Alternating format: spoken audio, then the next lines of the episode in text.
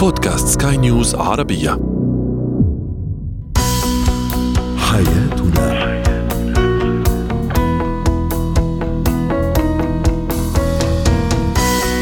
أهلا بكم مستمعينا الكرام إلى برنامج حياتنا، برنامجكم اليومي الذي يعنى بشؤون الأسرة وباقي الشؤون الحياتية الأخرى والذي يمكنكم الاستماع إليه عبر منصة البودكاست لسكاي نيوز عربية. معي أنا طيبة حميد. نتحدث اليوم عن حدود التسامح بين الشريكين وفي زينة الحياة الحديث عن الاحتياجات النفسية للطفل وكيف نلبيها. ونسلط الضوء أيضا على التغذية الصحية وما هي أهم وجبة في اليوم. زينة الحياة.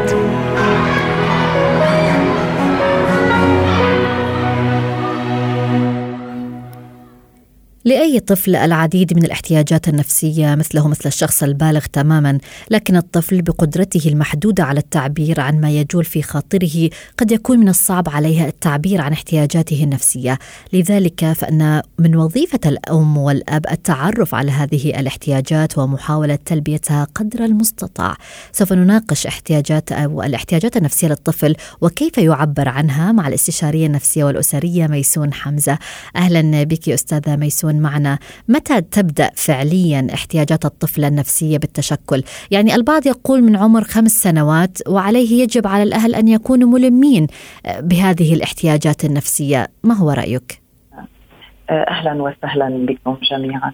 حقيقة أنا قد أخالف هذا الرأي لأقول أن الاحتياجات النفسية للأطفال تبدأ منذ الولادة وحتى هنالك مدارس في علم النفس تقول أنها تتشكل مع بداية الحمل لأن الطفل يكون أكثر تحسسا بالأم وينقل إليه هذه الدوافع اللاواعية من خلال الأم. وعندما يولد آه، آه، نتكلم عن بداية تلك الاحتياجات النفسية وأهمها الشعور بالأمان والحماية. وهذه تبدأ منذ الولادة حقيقة. جميل. ويعبر عنها الطفل عندما طبعا كلنا نعلم آه، عندما يبدأ بالبكاء أو بالتفاعل مع الآخرين. آه، عندما يبدأ بالبكاء تعبيرا عن حاجة ما. قد يكون إحساس بالجوع أو إحساس بالألم أو إحساس بالخوف أو أحاسيس مختلفة جدا. ولكن طبعا عندما يصل الطفل إلى مراحل عمرية متقدمة وتحديدا في عمر السنة الأولى والسنتين ثم ثلاث وخمس سنوات آه، ويبدأ تفاعله الاجتماعي ويبدأ بإدراك ماذا يحصل حوله، يعني يتدرج في التعرف إلى العالم المحيط به هنا تبدأ الحاجات النفسية بالتبلور بشكل متطور ونستطيع أن نتكلم. عن الخوف وشعور التهديد والقلق وأحيانا عند بعض الأطفال قد نستدل إلى الكآبة أيضا. نعم إذا هذه هي تصنيفات الاحتياجات النفسية الضرورية نعم. أو التي يبدأ الطفل بالتعبير عنها طيب أنا. كيف نعم. يمكن أن أفهم هذه الاحتياجات النفسية وبالتالي ألبي هذه الحاجة نعم آه، من خلال آه، كل أم تملك الخارطة أو الدليل وطبعا هنا لا نستثني الأب يعني الاثنان الوالدان بالتأكيد. لكن الأم لأنها الأقرب آه، تستطيع أن تستدل على خارطة التعبير لدى الطفل لديها لأنها الأكثر آه، تحسسا بهذا الطفل ولأنها مصدر الحياة والإشباع منذ الأشهر الأولى وصولا إلى السنوات اللاحقة قبل أن يذهب إلى المدرسة.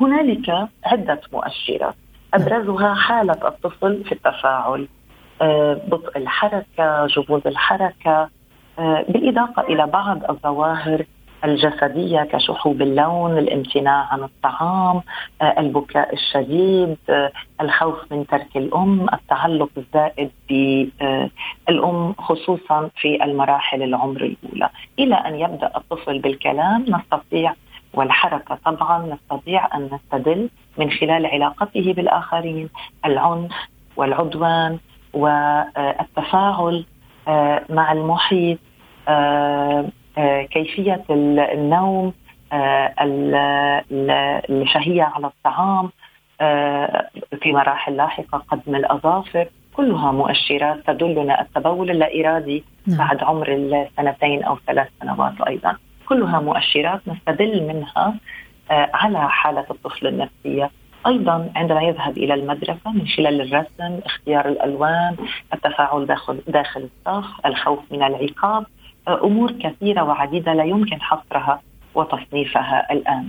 طيب يعني من ضمن الاحتياجات النفسية للطفل قد تكون الحاجة إلى الطمأنينة.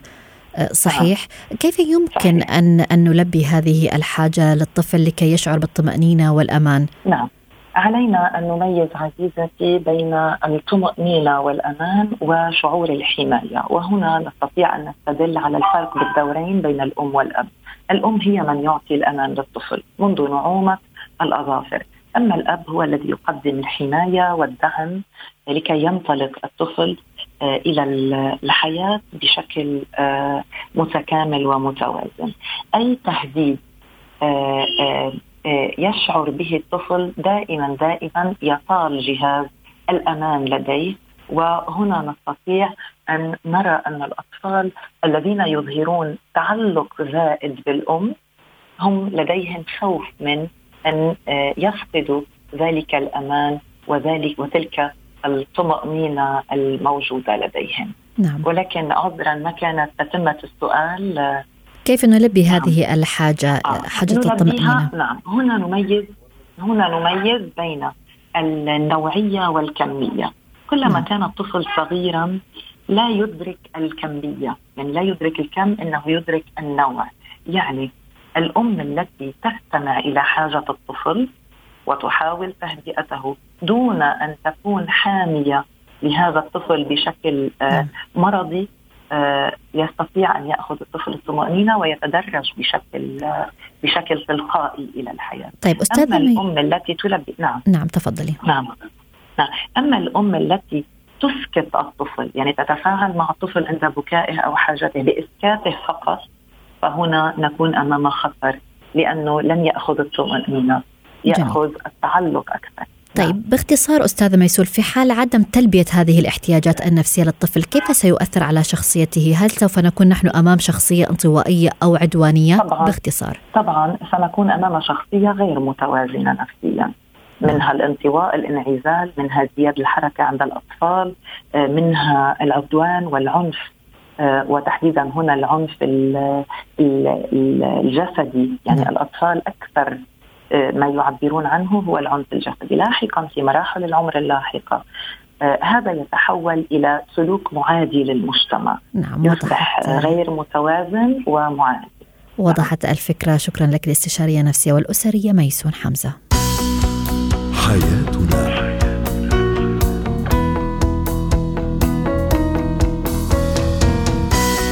من جديد أرحب بكم مستمعينا الكرام. أنتم تستمعون لبرنامج حياتنا برنامجكم اليومي الذي يعنى بشؤون الأسرة وباقي الشؤون الحياتية الأخرى والذي يمكنكم الاستماع إليه عبر منصة البودكاست لسكاي نيوز عربية. معي أنا طيبة حميد. هو وهي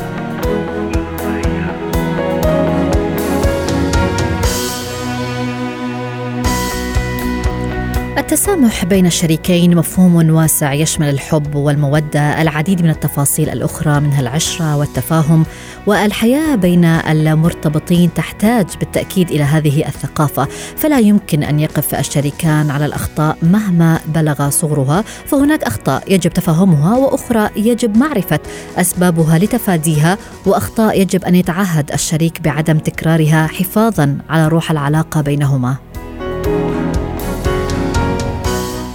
انطلاقا من هنا طرحنا السؤال التالي على مواقع التواصل الإلكتروني لسكاي نيوز عربية فيسبوك تويتر إنستغرام. برأيك هل هناك حدود للتسامح بين الشريكين؟ من ضمن التعليقات الواردة كانت لإحدى المشاركات والتي تقول أكيد لازم يكون في حدود للتسامح لأنه في أشياء ما بينفع الواحد يسامح فيها ومش بس مع شريك الحياة وإنما مع أي شخص. هاني يقول أيضا التسامح والتفاهم هو الأساس للاستمراريه وسليمان يقول لا لا توجد حدود. أما ريم فعلقت وقالت يجب أن لا يتعدى أحدهما على كرامة الآخر. التسامح مهم ولكن بحدود. للحديث إذا عن هذا الموضوع تنضم لنا الاختصاصية النفسية والأسرية. لما الصفدي أهلا بك. لما ضمن برنامج حياتنا. يعني أبدأ معك لما من سؤال البرنامج. هل هناك بالفعل حدود للتسامح بين الشريكين؟ وأصلا كيف نفسر مفهوم التسامح؟ تماما هذا اللي كنت رح أحكي عنه. كما من التعليقات اللي سمعتها منك بأنه أكيد ما في حدود للتسامح ولكن هناك حدود للتجاوز. نعم. يعني التسامح هو أجمل ما ممكن يكون بالعلاقات الزوجية لأنه هو بيعني فرص جديدة. الحياة الزوجية دائما أنا بشبهها بأنه هي مثل الطريق ولكن غير معبد. يعني دائما ممكن يكون عندنا حفر طلعة نزلة فبالتالي حياتنا هي معرضة انه يكون عندنا دائما مطبات. والتسامح هو اللي بيخلينا نتجاوزها لأنه لو كل موقف كنا رح نعمل عليه مشاكل وممكن تنتهي العلاقة باسرع وقت ممكن وهذا الشيء اللي عم بيصير حاليا لتزايد حالات الطلاق المستمرة بأنه الناس فقدت الصبر وفقدت مفهوم التسامح ولكن اللي الفكرة الثانية بأنه الحدود هي أن لا يتم التجاوز المستمر على الأشياء اللي هي خطوط حمراء في العلاقة الزوجية. نعم. هل هناك مواضيع لا ينفع معها التسامح مثلا بين الشريكين؟ في مواضيع جدا هي مثل ما حكينا خطوط حمراء، اولا مثلا لا يجوز بأنه يكون الزوج أو الزوجة عندهم عنف جسدي، يعني هو ممكن يضربها الصبح ويعتذر منها وممكن هي تسامحه. نعم. مساء. فبالتالي هاي من خطوط الحمر. النقطة الثانية اللي هي دائما التخوين المستمر يعني انعدام الثقة والاحترام دائما. فدائما في تخوين مستمر على كل موقف وكل تصرف.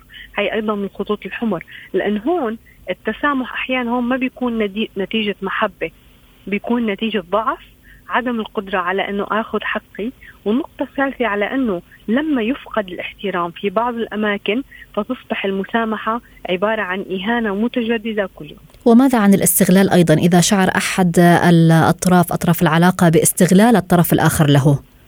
صحيح. اللي حكينا عنه بإنه نحن التجاوزات لو استمرت نعم. للأسف في بعض العلاقات نحن بنسميها من العلاقات المسيطر عليها. يعني يا إما بيكون الزوج هو المسيطر والزوجة لا حول ولا قوة لها أو العكس الزوجة هي اللي ممكن تكون مسيطرة. بهي العلاقات الغير متوازنة أحد الأشخاص يعتقد بأنه هو عنده فضل لوجود هذا الشخص بحياته. فبالتالي تكون مستمرة التجاوزات والآخر فقط يقول أنا آسف أعتذر مسامح إلى ما هنالك. كما نعم. تفضلتي هون يكون بدأنا بحياة عبارة عن علاقة زوجية أمام المجتمع ولكن في الواقع هي علاقة أحادية الطرف. طيب أستاذة لما يعني متى يتعارض التسامح بين الشريكين مع كرامة أحدهما؟ يعني كما يقول بعض مثلا يقول البعض لا كرامة بين المرتبطين.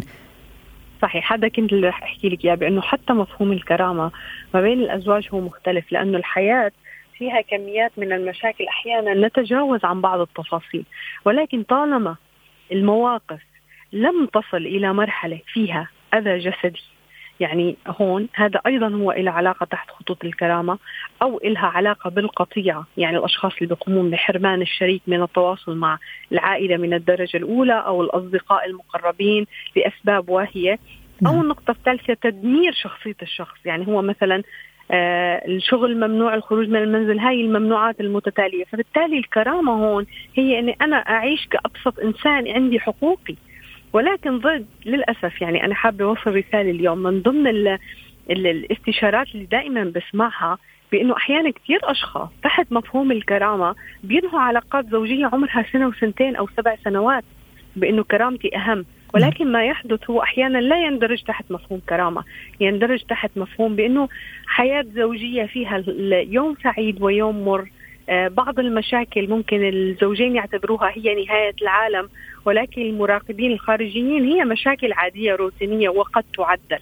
جميل. أنا دائما أعطي أمل في العلاقات الزوجية بأنه الإنسان قد يكون قابل للتغيير. يعني لا نفقد الأمل بسهولة وننسحب وننهي علاقة زوجية كان عمرها فترة أو نتيجة قصة حب أو تفاهم. طيب الحديث عن الأمل هل يجب أن تكون مثلا المسامحة هي فرصة لطي الماضي وعدم فتح الأبواب المغلقة وبالتالي ترك كل السلبيات في هذه العلاقة والبدء من جديد؟ سؤال جميل. اولا النصيحة اليوم لكل زوجة أو لكل زوج يرغب في المسامحة لا تقوم على المسامحة على أساس النكران. يعني في موقف تم الاختلاف عليه ولكن موقف جدا مهم وجوهري وفي الصميم. من أجل المسامحة يقوموا بتجاوزه أو بإنكار ما حدث وليس بنقاشه وإنهاء المشكلة. فبالتالي هون المسامحة هي ليست أمل لمستقبل جديد هي عبارة عن تراكمات. مشكلة بعد مشكلة يصبح جبل. في نعم. المستقبل بعد زواج عمره عشر سنوات مشكلة صغيرة على تفاصيل لها علاقة بالتسوق أو الأطفال تنتهي حياة زوجية. ولكن ليست المشكلة كانت هي السبب هي التراكمات التي حدثت خلال سنوات وكان نتيجتها بأنه أنا ويعني عند أول حديث مع الزوج أو الزوجة يقول أنا سامحت كثير. ولكن هذا هو التسامح الخاطئ. التسامح هو النقاش في الموضوع وتبيان بأنه أنت مخطئ أو أنا مخطئة ولكن أنا قررت بأنه نبدأ صفحة جديدة فأنا مسامحة على ما جرى. جميل. شكرا لك على جميع هذه النصائح الاختصاصية النفسية والأسرية لما الصفدي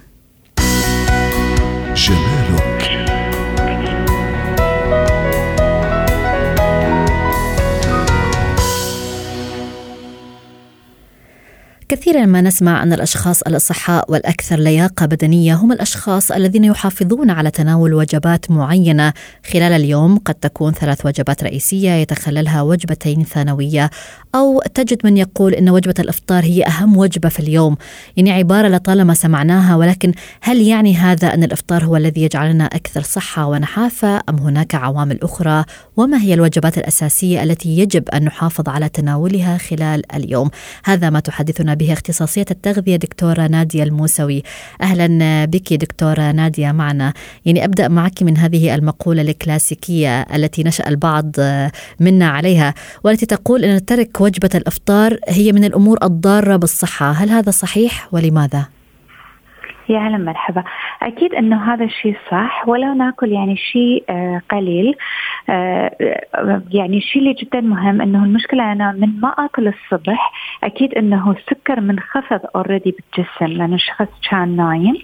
فالشخص يصير عنده أكيد إنه hypoglycemia يعني السكر مستوى السكر ينزل فيجوز يأثر هذا الشيء أكيد على مزاجه. يصير عنده خمول في فترة الصباحية. آه خلال اليوم التركيز طبعا يصير أقل أيضا في فترة الصباحية. آه خلال اليوم آه يصير عنده كريفينجز أو يشتهي السكر بشكل أكثر لأنه ياخذ وقت من عندنا. حتى لو شخص أكل مثلا على الساعة 2 3 ياخذ وقت عشان السكر يرجع يعني مستوى السكر يرجع يرتفع فالشخص يحس إنه محتاج إلى الحلويات. آه أيضا شايفين حسب البحوث إنه آه الأكل يعني الصبح صباحا ولو تفاحة واحدة يكون أفضل لنشاط الشخص وللبشرة مالته آه، ونعرف إنه المخ يحتاج إلى السكر عشان يشتغل. من يكون مستوى السكر يعني آه، أقل أو منخفض خلال اليوم أو خلال الفترة الصباحية. الهرمون الكورتيزول ترتفع بالجسم وهذا الشيء يسوي إنه الجوع يصير أكثر خلال اليوم. آه طبعا آه مرات أيضا نشوف إنه الحرقة أو التخمة بالمعدة آه ترتفع. الشخص يقدر يصير عنده ألم رأس أو دوخة. وطبعا يصير رائحة كريهة عفوا في الفم أيضا. الحين أكيد إنه لازم إنه يعني نفتهم إنه بعض المرات يعني يجوز ويكند أو غيره الشخص يكون معزوم. بالليل يجوز يأكل بشكل أثقل. فالصبح مثلا آه، يصحي من النوم. ما عنده الشهيه المرتفعة. ولكنه بعد ساعة ما إنه هو صحى يقدر ياخذ تفاحة حتى يعني هي قطعة نعم. فاكهة أو شيء من أنا أقول أكل الصبح يعني الشخص لازم يروح حسب الجوع مالته إذا هو جوعان كثرة. فهنا نعم مثلا ياخذ الأومليت البيض مع شوية خبز مع شوية فاكهة. ولكن إذا أنا مو كثير كثير جوعانة. ما في أي مشكلة أخذ تفاحة خوخة. هذا الشيء ما في أي مشكلة طيب. يعني. هذا الشيء يسوي أنه الدورة الدموية مالتي حتى تتحرك يعني. طب إذا ما تحدثنا عن الوجبات الغذائية المتوازنة خلال اليوم كيف تكون ومن ماذا تتكون هذه الوجبات؟ أي نعم اللي جدا مهم التوازن والتوزيع للسعرات الحرارية خلال اليوم جدا مهم. فهنا حسب الشخص إذا أنا وحدة مثلا أشتغل مثلا بالعيادة يجوز بعد الظهر عندي مرضى أو شيء آه، وقت الظهر يعني أول الصبح أنا تكلمت أروح حسب الجوع مالتي نعم. وقت الظهر أيضا الشيء اللي جدا مهم إنه بالصحن يكون عندي دائما آه، يعني ربع من الصحن يكون فيه بروتين آه، يقدر يكون لحم أو سمك أو حتى دجاج أو بقوليات يقدر يكون خضروات يقدر يكون ربع نص نص الصحن خضروات ربع الصحن آه، نشويات. نعم. آه، من أقول نشويات يقدر يكون خبز معكرونة يقدر يكون أرز كينوا برول.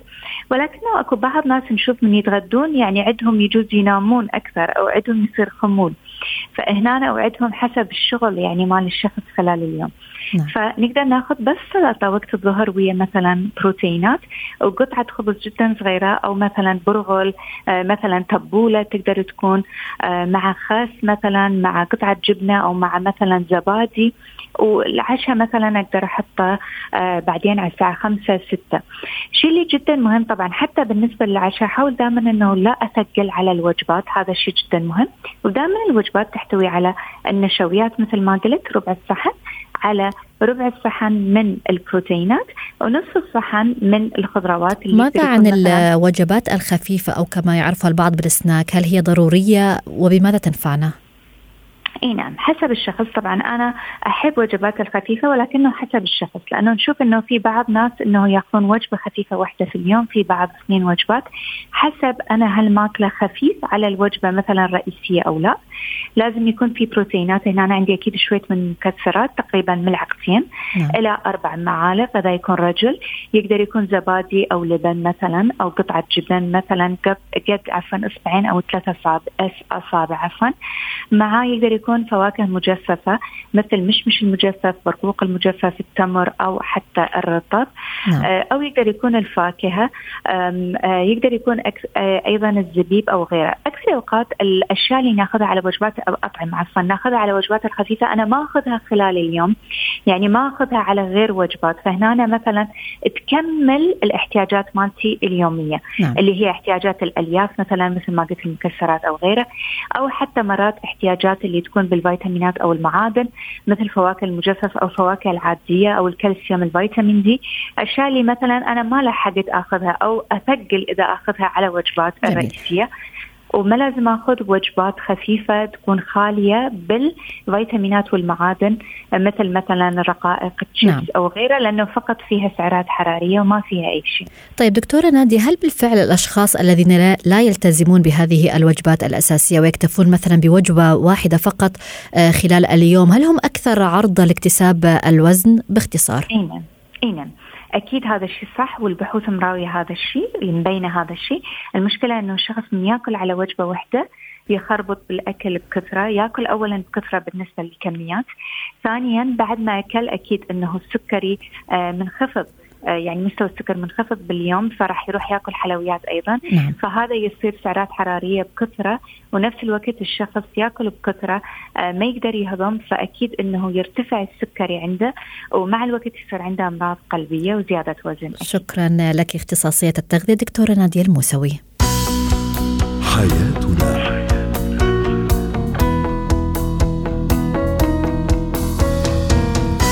إلى هنا نصل وإياكم مستمعينا الكرام لختام برنامج حياتنا. حياتنا.